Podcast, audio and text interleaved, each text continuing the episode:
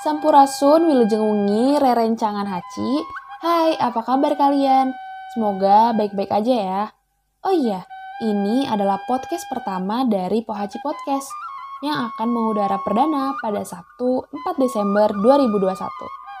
Nah, di episode 1 ini akan dipandu oleh aku, Raisa Nazifah, yang akan membawakan segmen cekrek, yaitu cerita rakyat kita.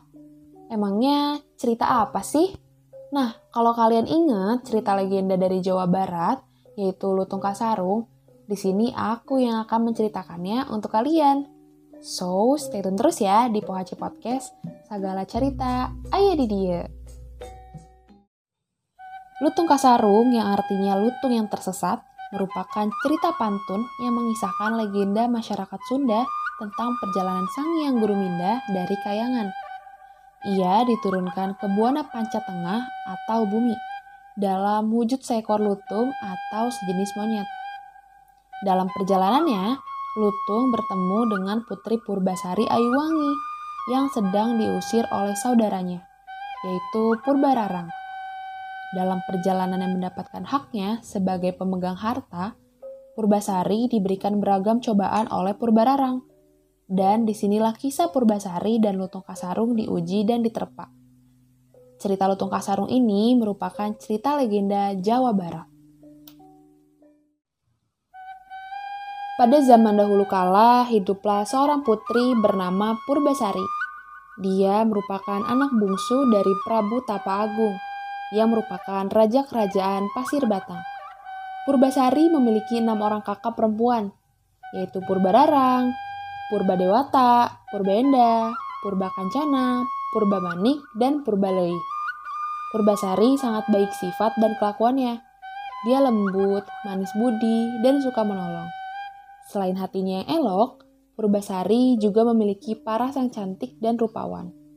Sayangnya, kecantikan dan kebaikan hati Purbasari tidak menurun dari kakaknya yang sulung, Purbararang, yang bersifat sangat buruk. Walaupun cantik, Purbararang sangat kasar, sombong, kejam, dan iri hati terhadap siapa pun juga. Setelah bertahta dalam waktu yang cukup lama, Prabu Tapa Agung berniat turun tahta. Telah dipikirkan masak-masak bahwa dia akan menunjuk Purbasari. Sang Prabu telah mengamati selama 10 tahun terakhir bahwa Purbasari adalah sosok yang paling pantas untuk menggantikannya. Pemikiran dari sang Prabu yang bijaksana ini terutama karena sifat dan perilaku anak sulungnya yang buruk.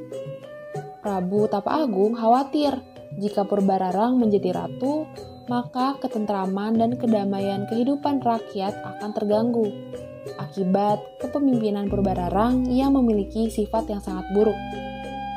Di hadapan seluruh pembesar kerajaan dan juga ketujuh putrinya. Raja Prabu Tapa Agung menyerahkan tahtanya kepada Purbasari. Prabu Tapa Agung lantas meninggalkan istana kerajaan untuk memulai hidup barunya sebagai pertapa.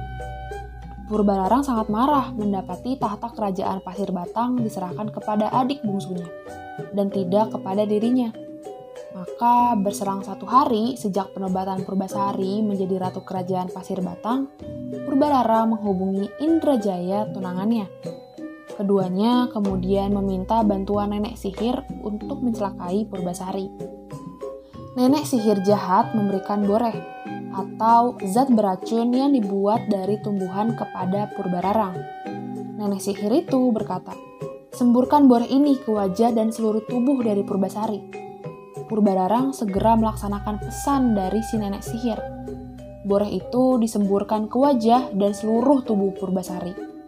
Akibatnya, di seluruh tubuh Purbasari berubah menjadi mengerikan.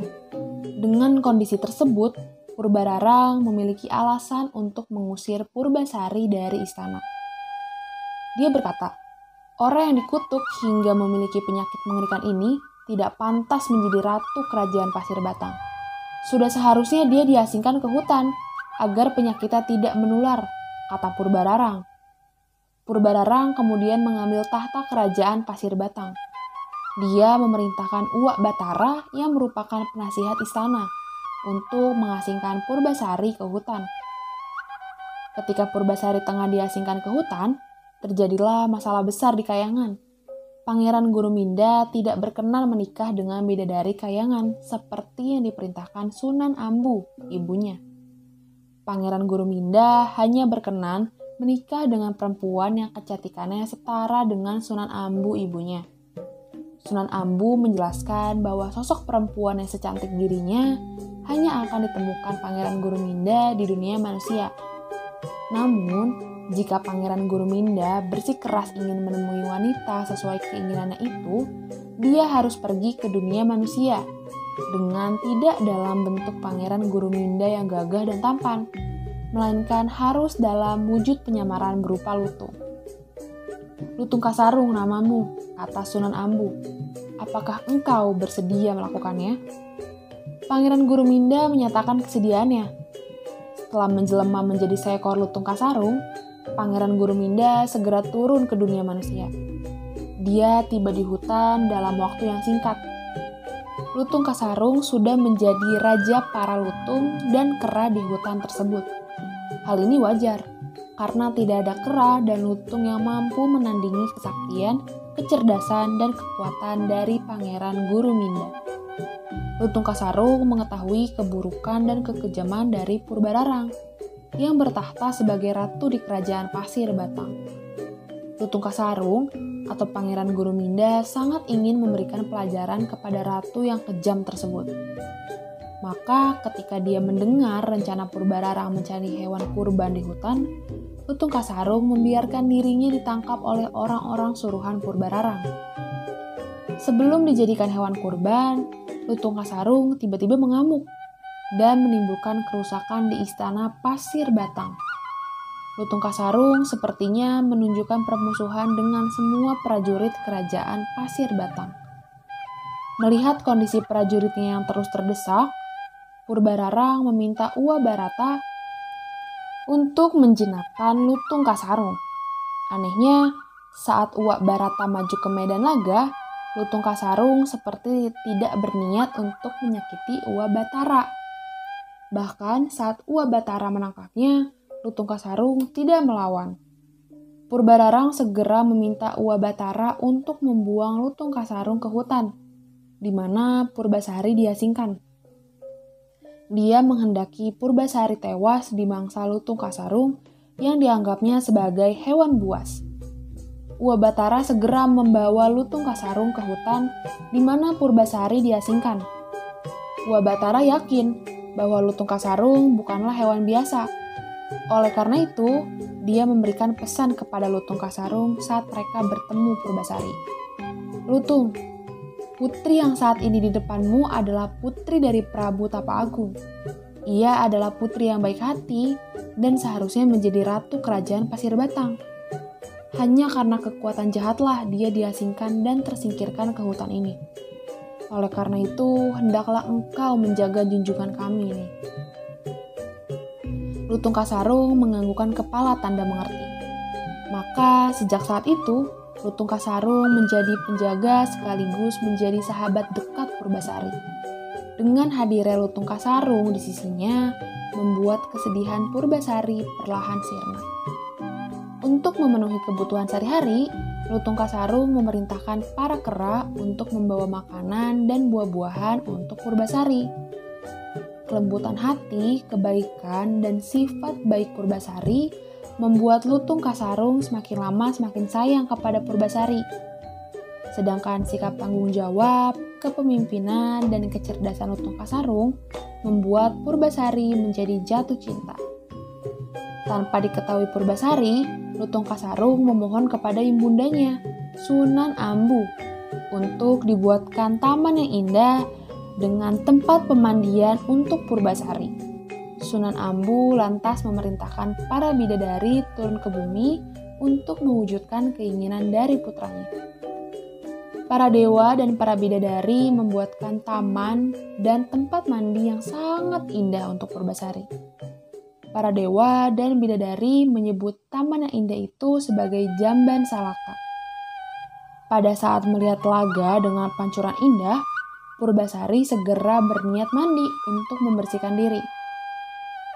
Pada saat itulah Boreh kutukan yang menempel di wajah dan tubuhnya perlahan sirna. Kecantikannya telah kembali.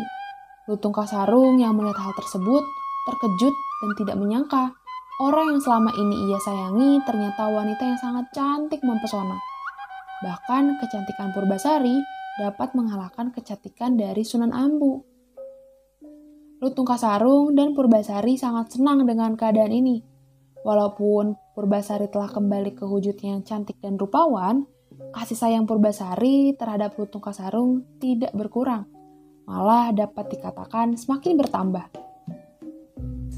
Kabar mengenai kembalinya kecantikan Purbasari didengar Purbararang. Purbararang tidak percaya dengan berita ini. Dia masih percaya diri karena tahu bahwa boreh yang disembuhkan kepada Purbasari mengandung kutukan yang sangat jahat dan kuat. Purbararang lantas mengajak tunangannya untuk melihat kebenaran berita tersebut. Betapa kagetnya, dia melihat Purbasari telah kembali ke sosok yang sangat cantik dan rupawan.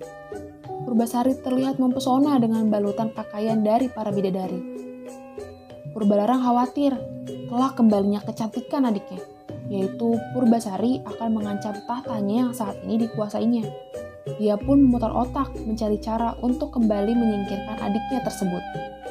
Purbalarang lantas menantang Purbasari untuk beradu panjang rambut Purbalarang berkata, jika rambutku lebih panjang dibandingkan rambut Purbasari, maka leher Purbasari harus dipenggal algojo kerajaan. Purbalarang menelan kecewaan setelah terbukti rambutnya yang sebetis kalah panjang dengan rambut Purbasari yang sepanjang tumit. Purbalarang sangat malu mendapati kekalahannya. Untuk menutupi kekalahannya, Purbalarang memberikan tantangan baru untuk Purbasari. Tidak tanggung-tanggung, Tantangan ini diucapkan di depan seluruh masyarakat kerajaan Pasir Batang. Dengan suara lantang, Purbalarang berkata, Jika wajah tunanganmu lebih tampan dibanding wajah tunanganku, tahta Pasir Batang akan kuserahkan kepadamu. Namun jika sebaliknya, maka engkau hendaklah merelakan lehermu di, peng di penggal algojo kerajaan. Purbasari paham dia tidak akan mampu menang pada tantangan kali ini. Dia lalu menggenggam tangan Lutung Kasarung sambil berkata, Aku mencintaimu dan ingin engkau menjadi suamiku, ucapnya kepada Lutung Kasarung. Purbararang tertawa. Monyet hitam itu tunanganmu? Iya, jawab Purbasari lantang dan mantap. Sebelum Purbararang memerintahkan Algojo untuk memenggal Purbasari, Lutung Kasarung tiba-tiba duduk bersila dengan mata terpejam. Mulutnya terlihat komat kamit, Tiba-tiba asap tebal menyelimuti tubuh Lutung Kasarung. Tidak dalam waktu yang lama, asap tebal menghilang dan berganti dengan sosok Pangeran Guru Minda yang sangat tampan dan gagah.